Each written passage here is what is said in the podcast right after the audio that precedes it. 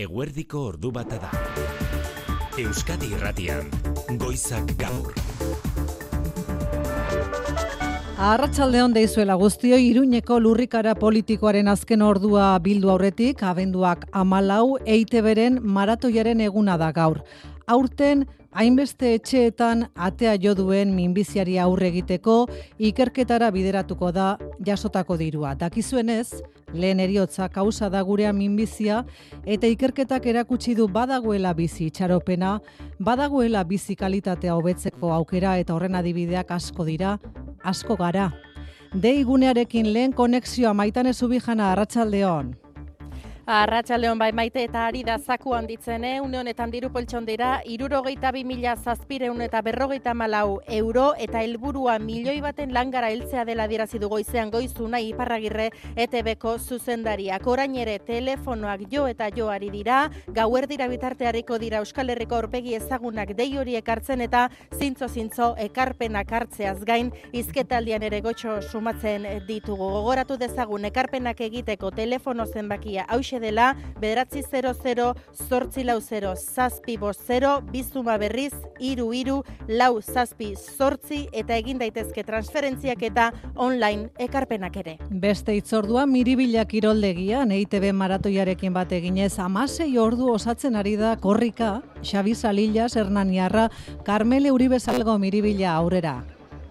Ba, iru ordu eta hogeita masai minutu dara matza jada korrika Xabi Salillas atletak, egun da iruro geita mazazpi buelta eman dizkio, Bilbao arenako saskibaloi kantxa honi, eta guztira hogeita zei kilometro egin ditu dagoeneko. Kilometro bakoitzeko berreun euroko ekarpena egingo da, EITB maratoira, amasei orduz lasterkaritzeko erronka du Salillasek, eta oinutxikari da egiten hori bai, ez da bakarrik egongo, lasterketa solidario honetan, ehunka lagun izango ditu alboan, hainbat ikastetxe, elkarte eta taldetako kideak, ordu erdiko txandatan banatuta, goizaldeko ordu bat arte. Zuetzara jarri oraindik, ez da korrika, Carmele?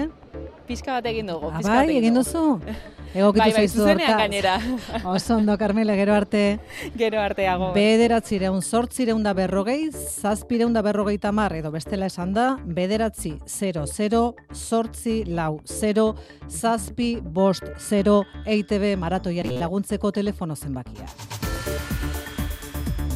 Iruñeko lurrikara politikoaren erreplika gogorrak ari gara entzuten gaur, UPNeko parlamentariek edo parlamentariak emiziklotik atera dira, PSNeko buruzagiei eskoria, zaborra deitu ostean, Eta galdera hau ere bai, Javier Espartza UPNeko presidenteak Maria Txibite, Nafarroako gobernuko lehen dakariari. No sé cómo no vomita por las noches, señora presidenta. No sé cómo tiene estómago para hacer lo que están haciendo, para soportar... Iruña ez dago salgai goiburuarekin igande guerdirako deitu du lehenengo bilkura UPNek, herritarri kalera ateratzeko deia espreski egin die Espartzak gaur, eta pesenerekin harremanak hautsi ostean gaur erantzi du, pesenek UPNeri begiratu ere ez duela egiterik nahi. Praktikan, Nafarroan UPNeren eta PSNren arteko eten honek zer dakar eliera arratsaldeon?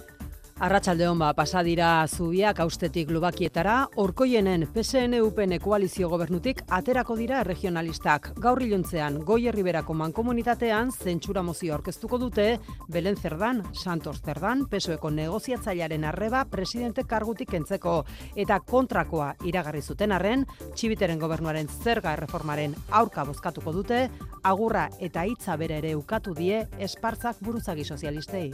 A nosotros, que el Partido Socialista de Navarra ni nos mire. Mienten cada vez que hablan. Son trileros, Esparza son ez da traidores. sozialekin, sozialistekin fio eta iruñan bezala upeneren alkatetza albidetu zuten Lizarra, Barainain eta Eguesibarren zentsura mozioa aurkeztuko dutenaren errezeloa adierazi du. Lurrikara Madrilen ere sentitzen da gaur berriz Alberto Núñez Feijo PPko presidenteak iragarri du Iruñeko udaletxe plazan izango dela igandean mobilizazio horretan jasoko ditugu albistegian xeetasunak. Eguneko beste lerroburuetan inigo alusti zarratsaldeon. Etxe bizitzen alokairuaren prezioa garestiegi dagoela eta Euskal Autonomia Erkidegoan berrogeita bat udalerrik izango dute tentsio handiko eremu izendatzeko aukera. Eusko Jaurlaritzak gaur aurkeztu duen maparen arabera tartean dira hiru hiriburuak naiz eta hauek auzo zehatz batzuk baino ezingo dituzten izendatu tentsio handiko eremu eta beste beste hogeita emezortzi herri ere bai gehienak gipuzkoan. Tentsio handiko eremuen izendapena hiru urterako eskatu ala izango dute tokian tokiko udalek, eta epe horretan mugatu egingo dute alokairuen prezioa kontratuak berritzerakoan eta estatuak erabakitako gehienezko prezioa ezarreko diete jabetzan bostetxe baino gehiago dituzten jabeen alokairuei. Ukrainako gerra zizenetik eskaini duen lehen prentxaurrean berriz, Vladimir Putin Errusiako presidenteak ziurtatu du Ukrainan ez dela bakerik izango Errusiak helburu guztiak bete arte. Мир будет тогда, когда мы достигнем своих целей, о которых вы сказали. Теперь Oraindik ere prentza aurrean jarraitzen du Putinek, orain hiru ordu hasi den hasi duen ekitaldi horretan Bruselan bitartean Hungariak eutxi egiten dio bere betuari eta bera zalantzan dago Europar Kontseiluak onartuko ote duen aste honetako goibileran Ukraina Europar Batasunean sartzeko negoziazioak abiatzea eta datozen la urteetarako Ukrainari berrogeita hamar mila milioi euroko finantzazioa bideratzea. Eta atzera etxean, Pentsatzen jarrita, ba, hori besterik ez dute egin. Feminista izan, berez txikitatikan konstiente izan nintzen, ze desoreka zeuden, neskata mutilen Maria eta Landa idazle Gipuzkoarrak jasoko du aurten emakunde saria datorren otsailaren seian emango dio landari emakunde saria inigo urkullu lehendakariak. Errepidezaren nagusian ez dagoela aparteko arazorik esan digute, begira dezagun eguraldiari dagokionez pronostikoa nola datorren, eguzkin iturriot, arratsaldeon. Arratsaldeon. Konta Datozen, bai, datozen orduetan ere zaparradak botako ditu tarteka, kantauri surialdearen ekialdean sarri botako ditu, eta mendebaldean eta hegoaldean zertxobait tartekatuagoak izango dira, eta terrune horietan ostarteak ere zabal daitezke. Ipar mendebaldeko haizeak arratsaldean baretzera egingo du pixka bat, baina ere bolada gogorrak izango dira izegunetan, bereziki kostaldean eta ebro ibarrean. Eta biharko abitzetan, Ba, arratsaldeko lehen orduak arte berdintxu jarraituko dugu eguraldi euritxu eta ez eginarekin, baina bihar arratsaldean atertu eta arintzera egingo du. konforme eguzkine bihar arte, Bihar arte, Europako saskibaloiak hartuko dio gaur lekukoa, txapeldunen futbol ligari Jose Maria Paulaza. Arratsaldeon bi euskal talde ditugu Gernika, Mechelen talde Flandriarari egingo dio bisita Eurokapeko azken amaseirenen joanekoa da eta gero Euroliga daukagu Gasteizen. Zortzi terrietan gaur hirugarren sailkatu datorkio bisitan Baskoniari, Virtus. Eta futbolean Euskal Herriko talde guztietan daukagu heldulekuren bat. Aurren aurrena, txapeldune ligan osatu da datorren astelenean realaren aurkaria aterako duen bombo hauek dira Lazio, Napoli, Paris Saint-Germain, Porto, Leipzig, PSV Eindhoven eta mundu guztiak nahi duen Kopenhague. Gaur akzio dunen batzarra, eunda berrogeita amar milioi euroko presupuesto realak, demoraldikoa eta inoizkoa handiena. Atletiken, Adu Aresek 2008 zazpirarte berritu du kontratua, 2008 arte Victor Paradak eta partida bezperakoa ere badugu, Iruñean, osasuna raio balekan. Zer dira oso txarra Kopenhagekoak edo oso onak? E, alago izenik ez daukatenak, ni badez badez nituzke hartuko, baina tira. Non ez dira mundu guztiako pena nahi du. Manu etxe sortu arratsaldeon. Donostiako jasaldira datorren urtean etorreko diren kantari eta taldeen izenak aurreratzen hasi dira Bai, antolatzen. maite, urruti dagoela dirudi, baina denbora azkar garotzen da. 2008 lauko Donostiako jazaldia uztailaren hogeita irutik hogeita zortzira egingo dute, etorriko diren artisten artean, Diana Kroll, Kanadarra jazz munduan ari den emakumen artean punta-puntakoa. Gainera Donostian izango dira Gregory Porter, Rufus Wainwright, Silvia Perez Cruz eta Koreatik etorriko den artista bat, Jun Sun Na. Datorren urteko maite Donostiako jazaldirako sarrerak eta bonoak salgai daude dagoeneko. Sarrerak eta bonoak salgai. Trinitate plazarako, kursalerako, santelmorako eta Vitoria Eugenia antzokirako. Ordu bata eta zortzi minutu dira Xabi Gallastegi eta Mirari Egurtza teknikan eta errealizazioan. Euskadi Irratian. Goizak gaur. Maite Artola. Eztabaida politikora etorri aurretik. Etxe bizitzaren gehiagizko prezioengatik Euskadiko berrogeita bat udalerri tartean hiru hiriburuak tentsio handiko eremuan sartu ditu jaurlaritzak. Berehala esango dizuegu, honek zer suposatzen duen, baina aurrerapen bez- bezala aipatuko dugu eremu tentsionatu diren udalerrietan sinatzen diren alokairu kontratuak ezingo direla garestitu hiru urtez. Janire gerena barrena, zerrenda honen xehetasunak azteko, arratsaldeon. Arratsaldeon bai jaurlaritzak egindako maparen arabera Euskal Autonomia Erkidegoko berrogeita bat udalerrik betetzen dituzte gaur egun tentsio handiko bizitegi eremu izendatzeko baldintzak. Gehienak hogei udalerri Gipuzkoan daude emeretzi Bizkaian eta bi Araban hiru hiriburuetako bakar bat ere ez litzateke osotasunean tentsio handiko eremu izendatuko. Kanpo geratuko lirateke daiteke Bilbon, Indautxu eta Abando. Donostian, erdiguneko aiete amaraberri martutene eta miramongo hainbat zati eta antiguo ainorga iba eta igeldo eta subietako auzoak gazteizen berriz landagunea. Izendapena jaso asmo zuten hiru udalerri, baina baldintzak betetzen ez dituztenak dira, getxo, eibar eta sumarraga jaurlaritzaren mapatik kanpo gelditu dira hortaz. Tentsio handiko ere muizendatzeko bi irizpide hartu ditu kontuan jaularitzak tartean irizpidetako bat da diru sarreraren euneko geita amar etxe bizitzaren mailegurako edo alokairurako enplegatzea. Hori irizpidetako bat esan bezala nire eta ondorioetako bat, zerrendan sartzearen ondorioetako bat udalerri horrentzat alokairuaren prezioa mugatu egin beharko dutela bertako etxe jabeek, ez? Bai, bi irizpide izan ditu kontutan jaurlaritzak eta bietako bat betetzea nahikoa da tentsio handiko eremu izendatzeko. Hori bai, udalek eurek egin beharko diote jaurlaritzari eskari formala, justifikazio memoria eta hiru urterako ekintza plana aurkeztuta. Hiru urtez izango da indarrean izendapena eta urtero berritualko da irizpide hauek betetzen badira. Alfonso Gomez etxe bizitza saileko ordezkaria Bizkaian. Familia batean alokairua gehi gaztu oinarriak familia horren diru sarrerak euneko hogeita mar baino altoagoak baldin badira. Hori izango da lengo irizpidea. Azken bost urteetan alokairu edo salmentaren prezioaren igoera IPC metatua iru puntu baino altuagoa izan bada. Hori izango litzateke bigarren irizpidea. Tentsio handiko eremu izendatzeak batez ere alokairuaren prezioan izango ditu ondorioak kontratua amaitzean maizterrek kontratu hori hiru urtez baldintza berdinetan lusatzeko aukera izango dute maizter berriei urteko eguneratze klausula baino ezingo saie aplikatu alokairuaren prezioan eta azken bost urteetan alokatu gabe egon diren etxe bizitzen kasuan ere alokairuaren prezioak ezingo du gainditu estatuak esarritako gehienezko muga.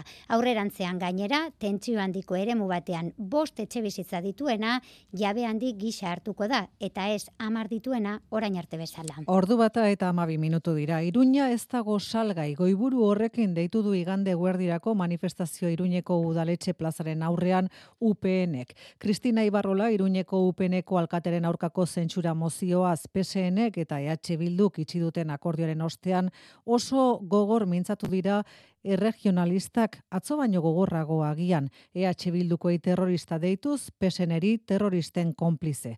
Gaur PSNeko parlamentariei besteak beste zaborra deitu eta aldegin dute UPNeko parlamentariek hemiziklotik Eli Eraso Iruña arratsaldean berriz ere.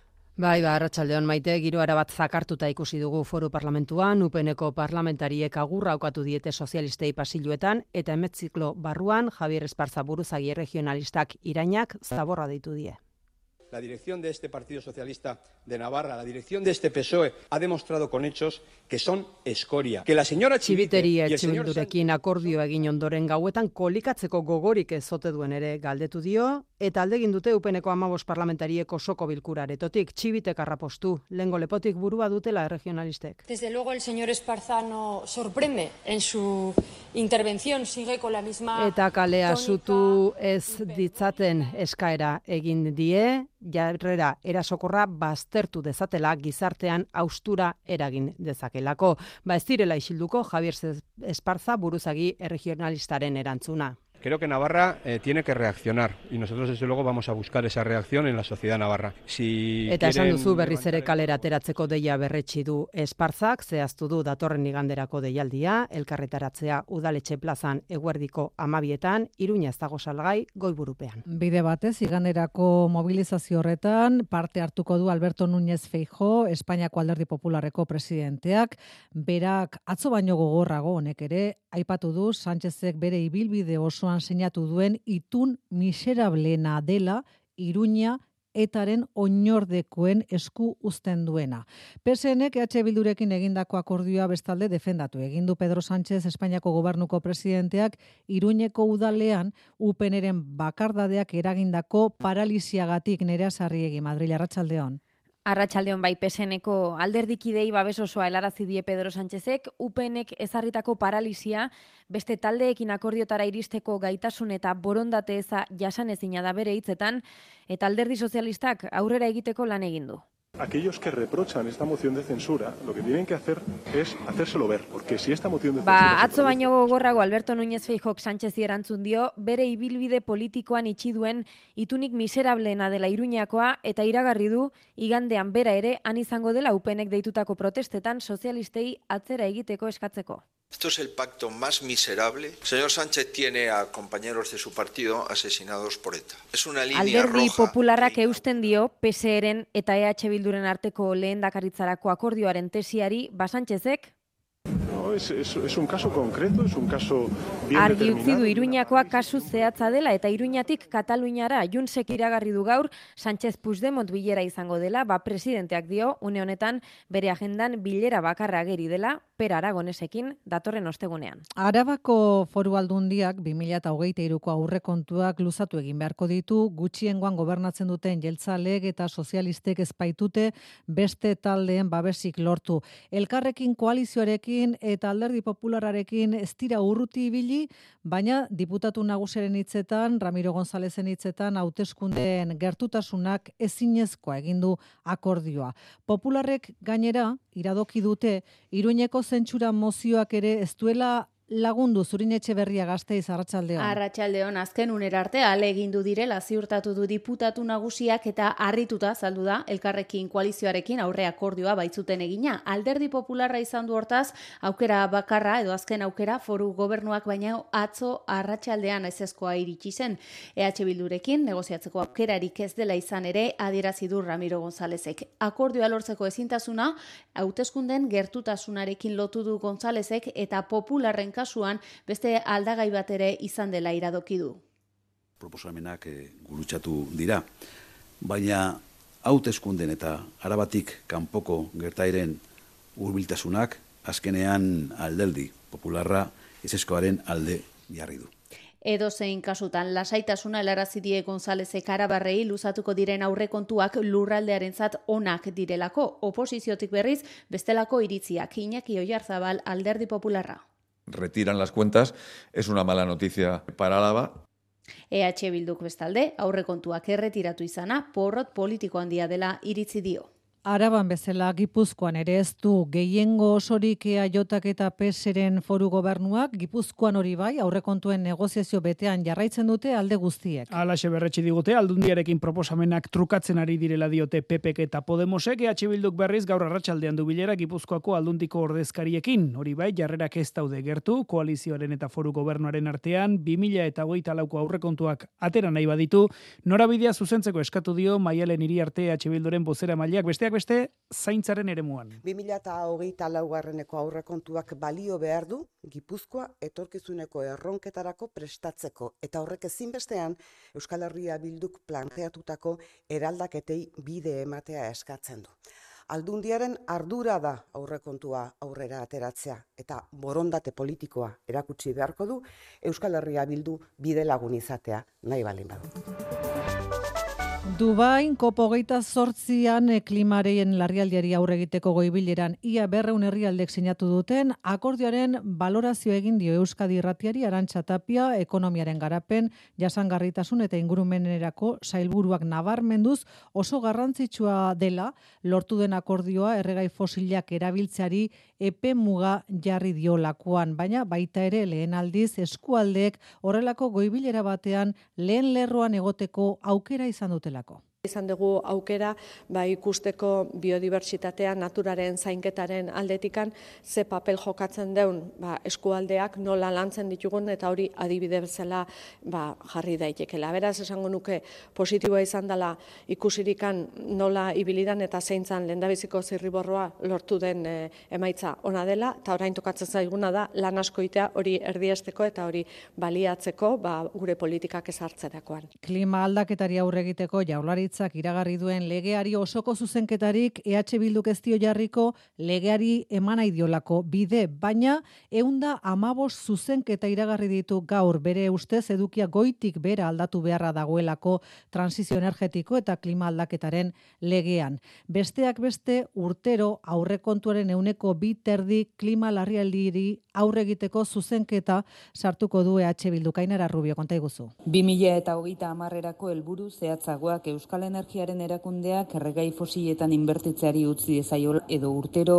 aurrekontuen euneko bikoma bost klima gaietara bideratzea horiek dira EH Bilduk aurkeztu dituen eunda amabos zuzenketetako batzuk. Errotik aldatu behar da zehaztasunik ez duen legea, baina legealdi honetan onartzea ezinbestekoa dela esan du Mikel Otero EH Bilduko legebiltzarkideak. Eta esaten dugu gobernua eta hau babesten duten alderdiak horretarako pres, ba, pres badaude, edukiak badaude, konpromisoa baldin badago, Euskal Herria Bildu hor egongo dela.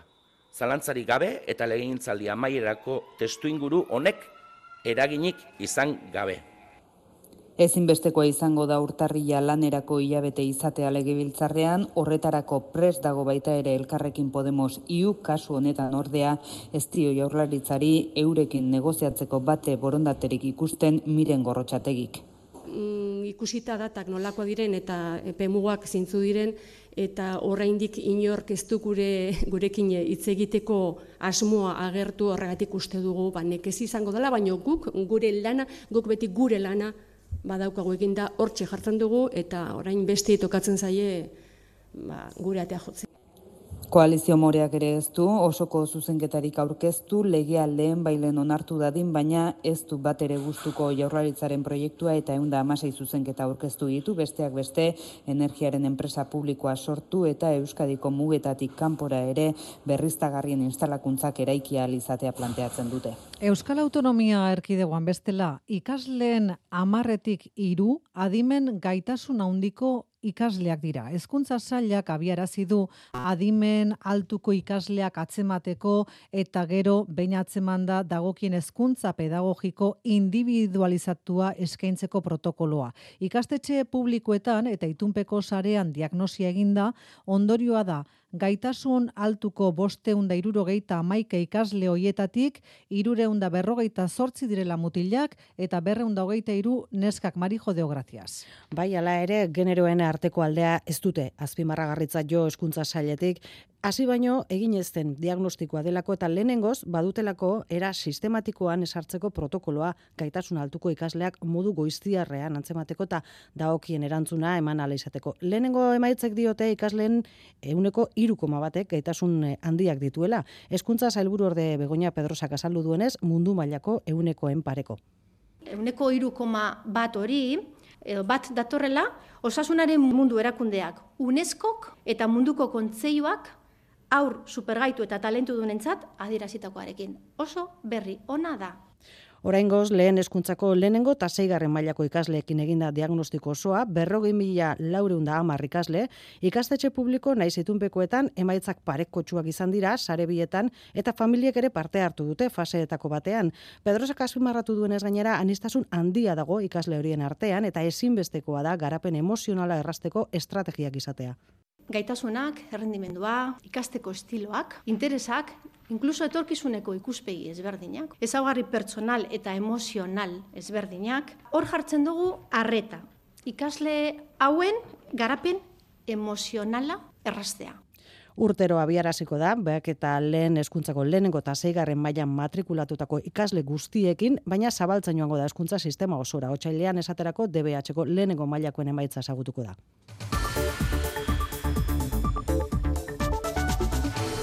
Ordu bata eta hogeita dira Frankfurten urteko azken bilera egiten ari da Europako Banku Zentralaren gobernu batzordea eta ez horik ezpada bere horretan eutxiko dio euroguneko interestasari euneko lauterdiari. Jakimina, datorren urterako espero diren jeitxiren inguruan Christine Lagarde, Europar Batz Banku Zentraleko presidenteak eman gote duen gaur seinalerik mertzetxe berria. Interestasen igoerak sapaia jo duela bat datoz adituak, ala berretsi du estatu batuetan erreserba federalak bat bart hartutako erabakiak, euneko bost erdian utzi du diruaren prezioa, eta aurreratu du interestasak jeisten hasiko dela datorren urtean. Hiru jeitxiera aurre ikusten ditu Erreserba Federalak, oharra ere egin du ordea, atzera igoere jeltzeko aukera hor legokela, baldin eta inflazioak sustoren bat emango balu berriro.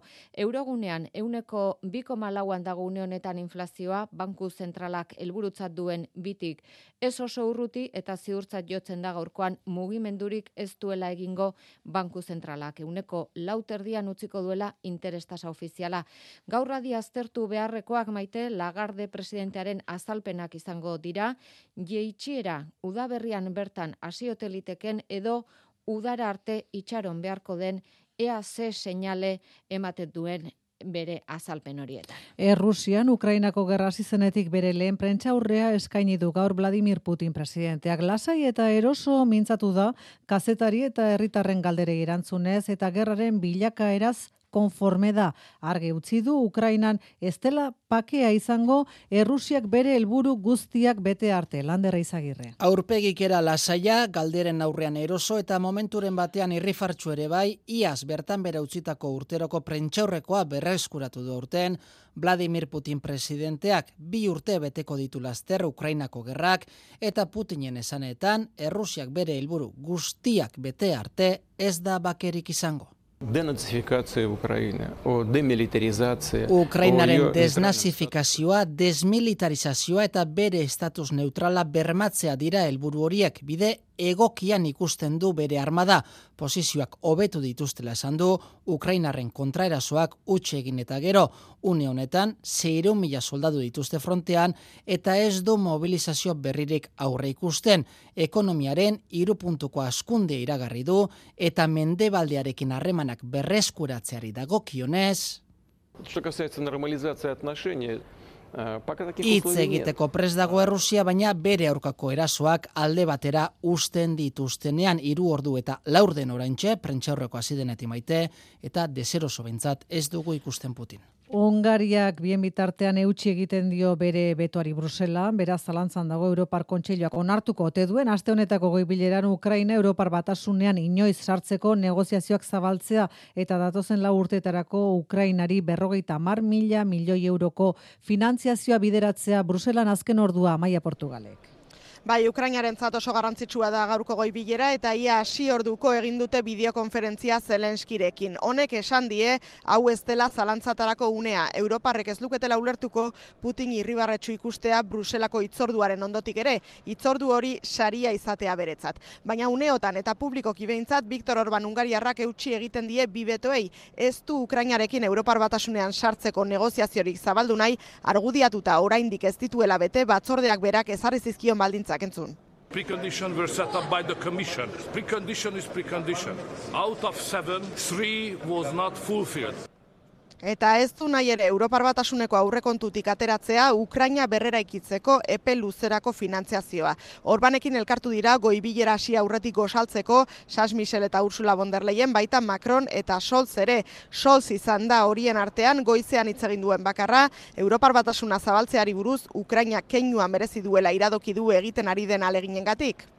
Especially in the case of Ukraine, we think it is a necessary sign that we support the activities of the Ukrainians to Baina esandakoa Orbanek ez du betorik altxa, txetxiokatu du ez dutela amore emango oi baino goizago hasi dago bilera eta hala ere ezin baztertu oi baino beranduago bukatzea asteburura luzatzea alegia. Atzera etxean donostian, aldezarreko senra jatetxeko zuteak kaltetutako bizilagun guztiek, bat izan ezik, etxera bueltatzeko aukera izango dute gaur egunean zehar bezperan, arkitektoak eraikinak bizigarritasun baldintzak bermatzen dituela ziurtatuta. Etxe jabe bakarra geratuko litzateke hortaz, etxera itzuli ezinik, taberna gaineko lehen solairuko etxe bizitza erabat birrinduta utzi baitzuten sugarrek. Donostiako udalak bere aldetik, zutearen inguruan zabaldutako ikerketa azken muturrera eramango duela iragarri du. Ainara Ortiz dago abuztuaren hogeita maika kaleko hogeita zortzigarren zenbaki parean aurrera Ainara. Ba hemen mugimendua eta susto txiki bat ere izan omen dute gaur goizean, hogeita zortzigarren zenbakiaren parean denda duen anak kontatu digu. Ba, gaur goizean berriz etorri dira bomberoak e, ikustea, zatik norbaitek abizatu du posu saia handia zegoela. Horixe, eztarria urratzen duen ke usain sarkorra eta etxe bizitza osoa beztuta topatu dute urrenezurren bigarren eta laugarren solairuan bizi diren bizilagunek atea zabaldu orduko. Dago usai asko erreta eta gero dana hautsa beltza hoi bezala el humo se ha quedado eh, en el ambiente y en todas las paredes. Bueno, en esas condiciones no podemos entrar a vivir. Perito bat ere ikusi dugu, eraikinaren barrukaldea ikuskatzen, zenra jatetxean asteburuan birritan piztu zen sutea ikuskatu eta batez ere ikertu egingo duena Donostiako udala izango da. Eneko goi alkatea tinko mintzatu da gaur faktorian. Ikerketa sakona egingo dugu, gertatutakoa argitua dizateko eta ardurari badin badego, bueno, azken muturreraino iritsi beharko ginateke. Ez dizut ukatuko, sutea eragin duen taberna honek ba baditu edako aurrekariak eta baita isunak ere aldez aurretik, aurrekariak ikusita, ba benetan zorrot jokatzeko beharra daukagu da. Bestelakoan abuztuaren hogeita maika kalea ari da poliki-poliki bere oiko itxura berreskuratzen, baina erretako lekuan oraindik bestutako odizatiak ikus litezke lurrean. Eskerrik asko ainar arratsaldeko ordu bat aterdiak jo berriak. Euskadi irratian eguraldia eta trafikoa. Trafikoan errepidezarean aparteko gora berari gabe, segurtasun sailak esan digunez, baina apunte bat egin nahi genuen, izan ere Bilbo busen enpresa batzordeak erabaki du, San Tomas eguneko geita lau orduko grebari eustea, beste hogeita mar lanuzte ere deitu dituzte, sindikatuek argi utziz, jarrerak urbiltzeko saiakera errealik ikusten ezpadute, mobilizazioekin jarraituko dutela, baina esan dakoa Bilbon, San Tomas egunen, ez da Bilbobus zerbitzurik izango. Hauxe urrengo orduetarako eguraldiaren pronostikoa. Datozen orduetan ere zaparradak botako ditu, kantori zuri aldearen ekialdean sarri botako ditu, baina mendebaldean eta hegoaldean zertxubait tartekatuagoak izango dira. Eta terrune horietan ostarteak ere zabal daitezke. Ipar mendebaldeko aizeak arratsaldean baretzera egingo du pixka bat, baina ere bolada gogorrak izango dira izegunetan, bereziki kostaldean eta ebroi barrean. Eta bihar arratsaldeko lehen orduak arte berdintxu jarraituko dugu, bi arratsaldean atertzera egingo du eta arintzera ere bai apur bat.